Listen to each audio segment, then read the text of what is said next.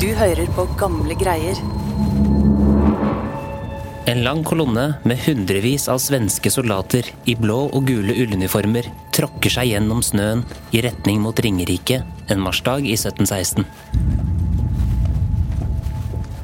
Gruppen med de hutrende soldatene er en del av et større felttog som er sendt over grensen av den mektige svenskekongen Karl 12.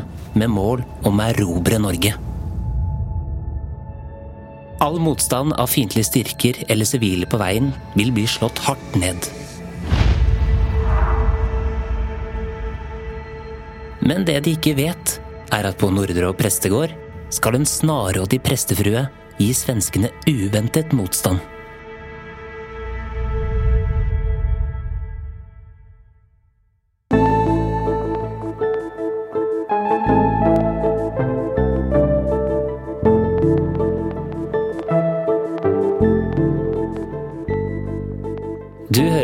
Gamle greier, en historiepodkast fra Nasjonalbiblioteket.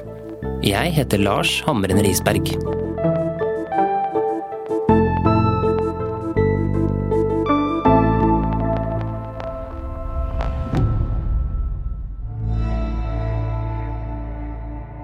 På Nordrehov på Ringerike så ligger det en stor og staselig prestegård. Det hvite hovedhuset er bygd i tykt tømmer, og innimellom husene går prestefrua, ei 51 år gammel kvinne. Hun er lav, tynn, har brune øyne og brunt hår, og hun heter Anna Kolbjørnsdatter. Chris Nyborg, lokalhistoriker på Nasjonalbiblioteket. Anna har akkurat fått urovekkende meldinger om at en del av den svenske hæren er på vei innover mot hjemtraktene hennes. For norske speidere hadde observert en stor styrke på rundt 600 svenske soldater like i nærheten. De var på vei mot en skanse i Lier, som var avgjørende for forsvaret av Kristiania. Og svenskene la veien om Ringerike. Hvis nordmennene ikke klarte å stoppe dem der, så lå Østlandet åpent for svenskene. Og ryktene om hvordan svenskene tok seg til rette langs veien, skremte ringerikingene. Hvordan da? Jo, svenskene måtte ha mat, husly og andre nødvendige ting. Jo lenger de gikk inn i Norge, jo mer trengte de. Og en hær består av flere hundre til flere tusen av sultne menn som har marsjert langt. De er slitne, og de er bevæpna. Det gjør at terskelen for maktbruk overfor sivile kunne være ganske så lav. Så svenskene de brøyt seg inn og plyndra forsvarsløse sivile. Og de som gjorde motstand, fikk virkelig svi. Gårder ble satt fyr på, og folk ble regelrett slakta ned. Og dette gjorde nok Anna veldig redd. Ja, så absolutt. Det var, og er fortsatt i dag, krigens realiteter. Og dessuten så var hun nok ekstra sårbar. Hjemmesituasjonen hennes var rett og slett ikke så bra. Nei.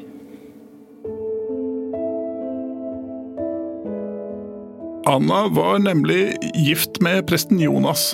De gifta seg i 1682, da hun var 15-17 år gammel. Mens han var blitt en 33 år gammel, skjeggete og lubben mann. Litt tvilsomt sett med dagens øyne, for å si det pent. Men sånne aldersforskjeller var vanlig på denne tida, fordi menn ønska gjerne flere barn, og hvis du hadde passert 30 år, så var den sikreste garantien for å få mange unger at du fikk deg ei ung kone. Men Jonas slet veldig med gikt, og i tillegg hadde han fått en svulst bak høyre øye og var sengeliggende til tider. Og I disse marsdagene i 1716 var han veldig dårlig, så Anna måtte pleie ham hele tida. Så hvis svenskene skulle dukke opp, så hadde hun jo et ganske dårlig utgangspunkt. Ja, det kan ikke ha vært spesielt godt å gå rundt der i uvisse om hva som ville skje. Og den 28. mars fikk hun beskjeden hun frykta.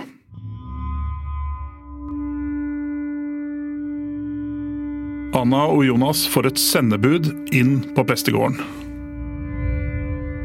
Beskjeden var den beryktede svenske hæren på rundt 600 mann hadde vært i kamp mot nordmenn på Harestua på Hadeland.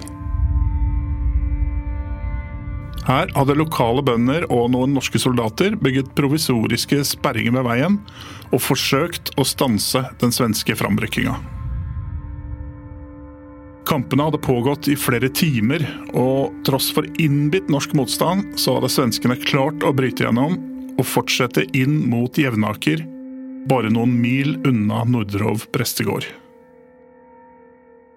De største og rikeste gårdene hadde blitt brutalt plyndra, med vettskremte nordmenn som måtte passivt se på hvordan fienden valsa inn på gårdstunet og tok det som passa dem.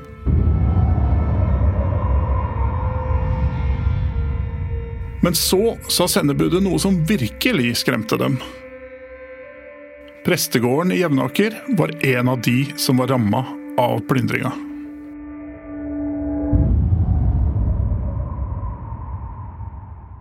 For prestegårder de hadde jo ofte rikelig med mat og drikke i kjelleren og på stabburene.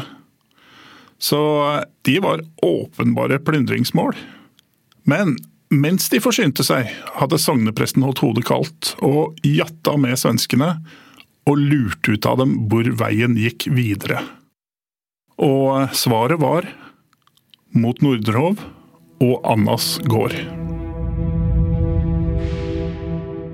Og Anna forsto at svenskene om kort tid sannsynligvis ville marsjere inn på hennes gårdstun. Og hva gjorde hun da? Jo, altså Det må vel ha vært fristende å bare pakke sakene sine og komme seg fortest mulig av gårde.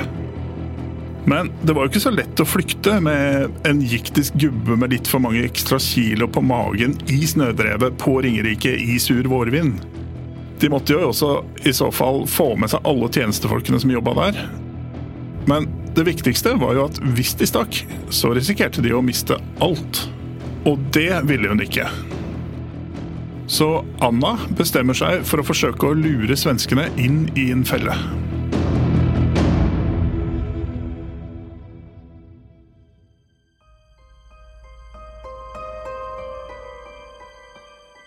I stedet for å gå til angrep, skulle hun forsøke å få svenskene til å slappe av på gården. Slik at hun eller noen andre nordmenn kunne sende varsel til norske soldater som befant seg i nærheten. Så de kunne omringe gården og fange svenskene. Ok, dette var jo en veldig slu plan, men hvordan skulle dette foregå? Anna skulle bruke et av de eldste triksene i boka, som kunne overvinne en hvilken som helst overlegen fiende. Nemlig kvinnelist.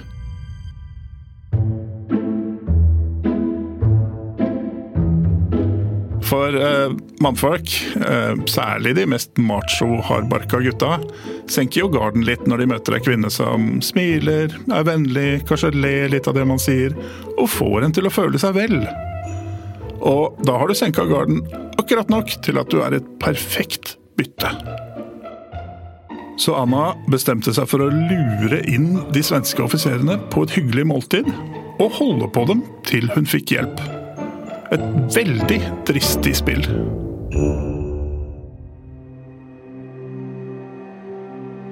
Når kveldsmørket senker seg, iverksetter Anna. Hun setter alle på gården i sving med å gjøre klart til selskap. Tjenestejenter og gårdsdrenger løper i beina på hverandre for å finne fram mat og drikke fra stabbur og kjeller. Bordet i finstua blir dekka til kalas med fin duk og bestikk. Lysene tennes, og noen ekstra kubber kastes på peisen. Og når alt dette er på plass, så er det bare å vente på at svenskene skal dukke opp.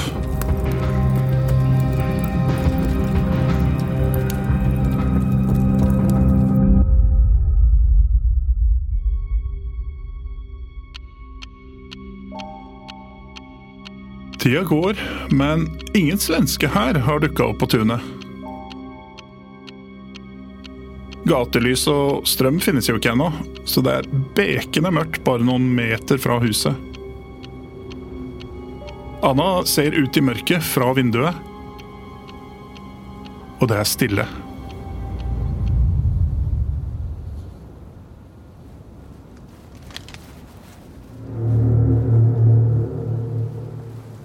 Men så hører de lyder ute i nattemørket. Det er rasling av våpen. Trampende føtter. Hester som vrinsker. Lyden blir høyere og høyere.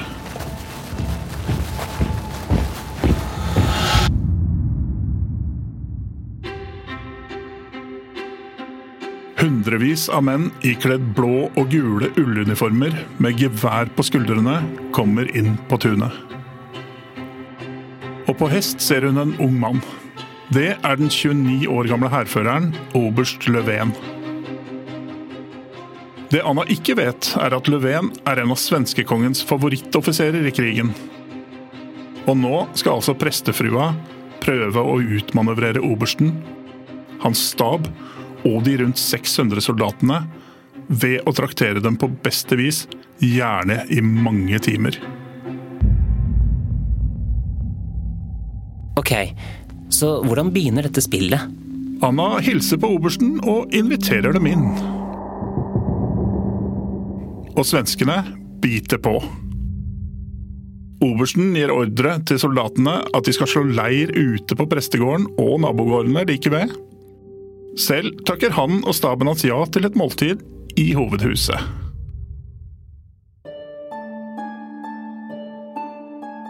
Så blir de vist inn til finstua.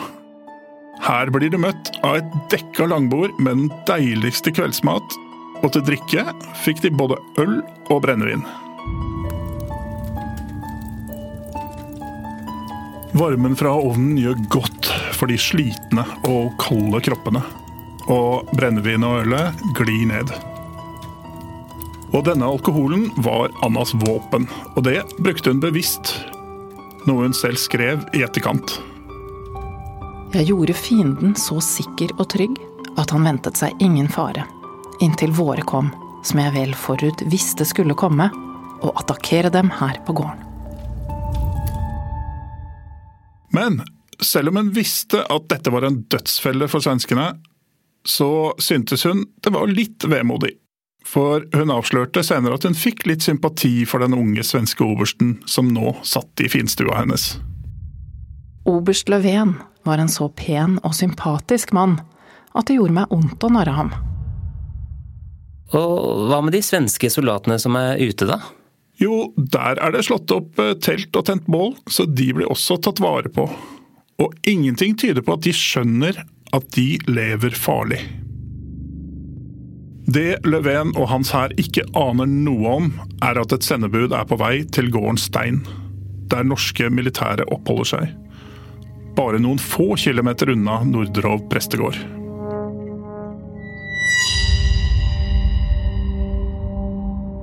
Vel framme møter sendebudet løytnant Collin og får varsla ham om at svenskene er på Nordrov og løytnanten skjønner straks alvoret. I neste øyeblikk er de rusta opp, gjør seg klare til kamp og rir av gårde mot prestegården. Klokka har nå passert midnatt, og med hjelp fra to kjentmenn blir løytnant Colleen vist vei opp på en høyde ved Norderhov. Og det han ser, er mer enn han kunne drømt om. Soldater i blå og gul uniform som holder varmen rundt de mange bålene som blafrer gult i nattemørket. Meldingen fra prestegården er riktig. Nå vet Colin nøyaktig hvor svenskene befinner seg. Han forstår at selv om det må være vaktposter utenfor prestegården, er de fleste mest opptatt av å få seg litt søvn etter å ha fylt magen. Ja, så løytnant Collin gir ordre til sine soldater at de skal komme seg i posisjon, men vente med angrepet til tida er inne. Og da klokka er rundt tre på natta, 29. mars, begynner nordmennene å rykke framover.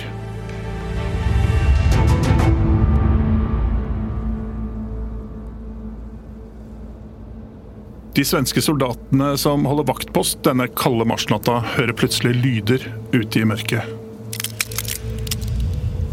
Det knaser i isen på Steinsfjorden, som ikke er langt unna prestegården. De sier fra til oberst Löfven og de andre offiserene, som er inne i hovedhuset. Og hva gjør Löfven når Anna forteller han dette? Ifølge lokalhistorikere skal Anna ha prøvd å berolige dem ved å forklare at sånne lyder er helt vanlige å høre når vannet synker under isen.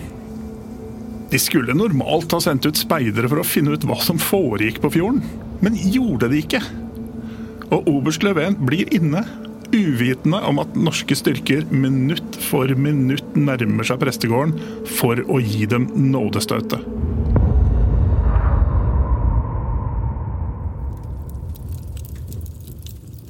Oberst Löfven, som sitter inne i hovedhuset, er nå i ferd med å rigge seg skikkelig godt til. Han tar av seg støvlene og døser i en stol ved peisen, mens eh, flere av offiserene hans har sovna etter en lang dags marsj og drikking.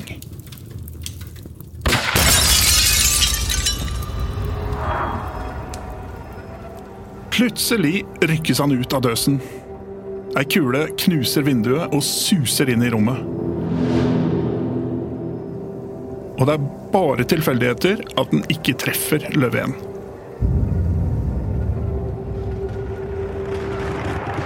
Så hører han og de andre masse skudd utenfor. Og en mann ved navn Hans Rosing gjorde få år senere en avskrift av en øyenvitneskildring om hva som nå utspiller seg på prestegården.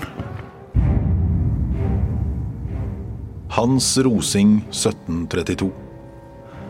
De kom til Nordrov prestegård i all stillhet og i fullt renn til hest.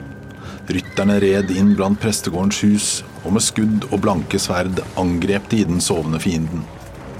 Hvoretter svenskene ble forvirret og spredt uten å kunne sette opp noe forsvar, dels ihjelskutte, mange slått og nedsablet. Hestene ble skutt og hogget. Ja, de fleste av hestene ble så skremt at de slet seg løs og fløy over jorder og enger til skogs.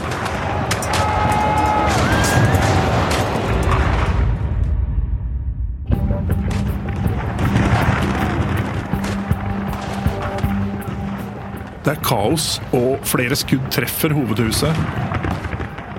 Löfven forstår at hæren hans kollapser. Han håper at et militært mirakel skal redde ham. Men han forstår at dette slaget er snart tapt.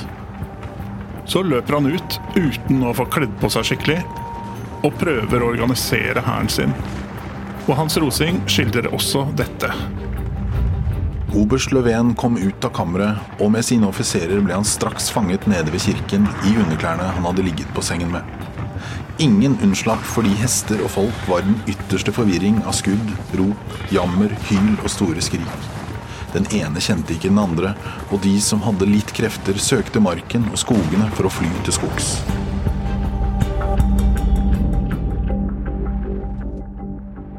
Anna Kolbjørnsdatter reddet altså prestegården. Men Chris, kanskje hun også redda landet sitt? Hun redda definitivt gården, og hun bidro til at svenskenes felttog gjennom Ringerike kollapsa. Dermed klarte ikke svenskene å kutte forsyningslinjene til Kristiania. Noe som gjorde at nordmennene holdt ut i byen til april. Og da måtte svenskene gi opp beleiringa. Slik vi har fortalt historien, så virker det som at Anna var sentral for seieren. Men i den offisielle rapporten så er hun ikke nevnt. Og det er ikke før mange tiår etterpå at det egentlig begynner å komme bøker om henne. Sivile, og særlig kvinner, blir eh, sjelden nevnt i militære rapporter. Og det er jo ikke konspiratorisk å tenke at løytnant Collin eller hæren ønska å ta hele æra for den store triumfen. Dette var en av de største seirene på lang tid. Men Anna selv var i hvert fall klar på at hun bidro. Og det er ingen grunn til å tro at Anna skulle lyve heller. Og hvordan da? Kulehullene inne i presteboligen finnes fortsatt en dag i dag i Finnstua. Den som har fått navnet Svenskestua. Og i tillegg er det rart at svenskene ikke hadde bedre vakthold når de nettopp hadde kjempa ved Harestua noen dager før, og visste at den norske hæren kunne være på jakt etter dem. Så jeg er ikke i tvil om at Anna spilte en rolle denne kvelden som bidro til den norske seieren. Og Bjørnstjerne Bjørnson lot seg inspirere bl.a. av Anna da han skrev Ja, vi elsker. Kvinner selv sto opp på stredet, som de vare menn. Den linja var til ære bl.a. for henne. Så selv om vi ikke vet nøyaktig hva som skjedde, så vil jo Anna alltid stå som et eksempel for hvordan en vanlig person kan spille en viktig rolle i en krig.